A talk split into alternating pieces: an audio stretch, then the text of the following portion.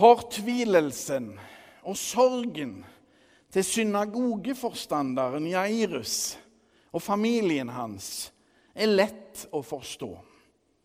Å miste et barn er det verste foreldre kan oppleve. Det er som et mareritt, enten det skyldes sykdom, ulykke eller vold. Kun de som har opplevd det, vet hvor vondt det er. Dattera deres er tolv år gammel. Hun har blitt syk, og nå har far hennes henta Jesus. Så kommer den triste beskjeden. La oss høre Herrens ord. Det står skrevet i evangeliet etter Markus. Det kom folk fra synagogeforstanderens hus og sa, 'Din datter er død. Hvorfor bryr du mesteren lenger?' Jesus hørte det som ble sagt, og sa til synagogeforstanderen, 'Frykt ikke, bare tro.' Nå lot han ingen andre følge med enn Peter, Jakob og Johannes, Jakobs bror. Da de kom til synagogeforstanderens hus, og han så alt oppstyret og folk som gråt og jamret seg, gikk han inn og sa til dem, Hvorfor støyer og gråter dere?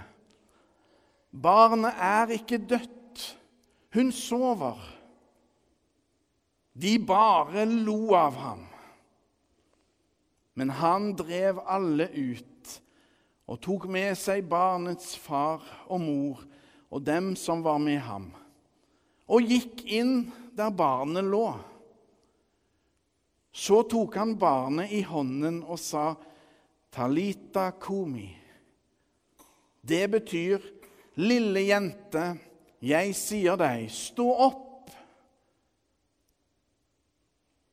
Straks reiste jenta seg og gikk omkring. Hun var tolv år gammel, og de ble helt ute av seg av undring. Men han påla dem strengt at ingen måtte få vite dette, og han sa at de skulle gi henne noe å spise. Slik lyder det hellige evangelium. To ganger To ganger har jeg som prest kommet ufrivillig på lotten, som det heter på rogalandsk. Det betyr at jeg strevde virkelig. Jeg strevde for å klare å stoppe å le. Og En av disse to gangene var i et bryllup da jeg som vanlig spurte en brudgom om han ville ha bruden til sin ektefelle. Brudgommen svarte ja takk. Da kom latteren hos meg, og jeg strevde for å stoppe han. Ja takk. Utrolig. Den andre gangen var her i Lurakirka, ved døpefonten. Den stolte storebroren skulle tørke dåpsbarnet. Enten det var lillebror eller lillesøster, jeg husker ikke. Men storebroren fikk dåpskluten, sånn som dere så tidligere i dag. Han så på han, og så tørkte han seg sjøl i fjeset. Da lo jeg og mange med meg. Og jeg strevde for å stopp, klare å stoppe. Den som ler sist, ler best. Det kunne vært hele denne preken oppsummert i én setning. Den som ler sist, ler best. Jairus, synagogeforstanderen, han satsa alt på at ryktene om Jesus var sanne. At han virkelig kunne hjelpe. Ryktene hadde skapt tiltro og håp. Jesus var hans eneste håp. Denne søndagen kalles høstens påskedag fordi vi blir minnet på Jesu makt over døden. Jesus gjør det umulige mulig fordi han er den han er. Guds sønn, vår Herre. De bare lo av ham. Jeg velger å tro at det ikke var av vond vilje folk lo av Jesus. Situasjonen var altfor alvorlig til det. Men det var en latter som kom av seg sjøl. Fordi ingen klarer jo å vekke døde mennesker til live igjen. Så når Jesus kommer og sier det han sier, reagerer de med latter. De bare lo av ham. Det må gjøre noe med Jesus å bli ledd av. Det må koke inni han når han hører hvordan de reagerer.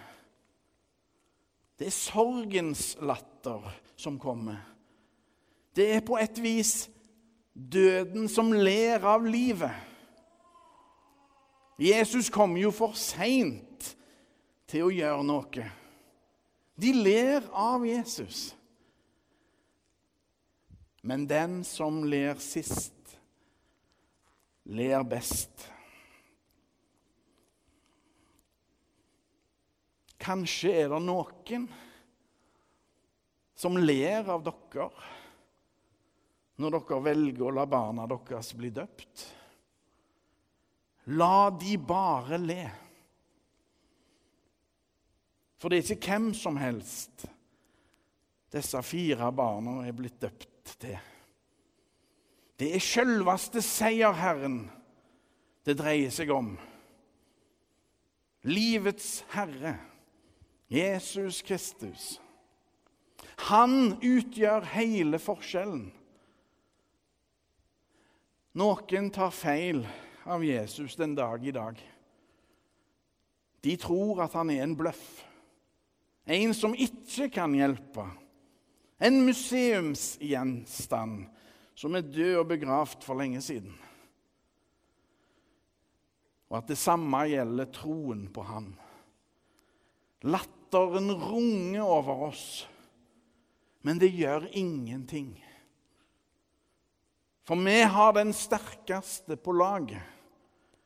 Jesus sto opp igjen og viste at han er Guds sønn. Han som vekte opp den lille jenta den gangen. Jesus Kristus, vår Herre. Han går med oss. Uansett hvor tøft livet måtte bli. Uansett hvor mørkt det måtte bli rundt oss. Når døden ler av livet, da kan vi bli fortvila. Når så mange tegn tyder på at dødskreftene ser ut til å overta helt, og mørket ser ut til å senke seg for godt, da skal vi løfte blikket og vite at vi ikke er alene. Vi er aldri alene. Jesus den korsfestede og oppstandende går med oss. Vi er aldri alene. De lo av Jesus, og de tok feil. Det er fort gjort å ta feil. Synden er at de ikke tror på meg, sier Jesus, han som er Guds sønn. Han har herredømme over livet og døden. Deg være ære, Herre over dødens makt.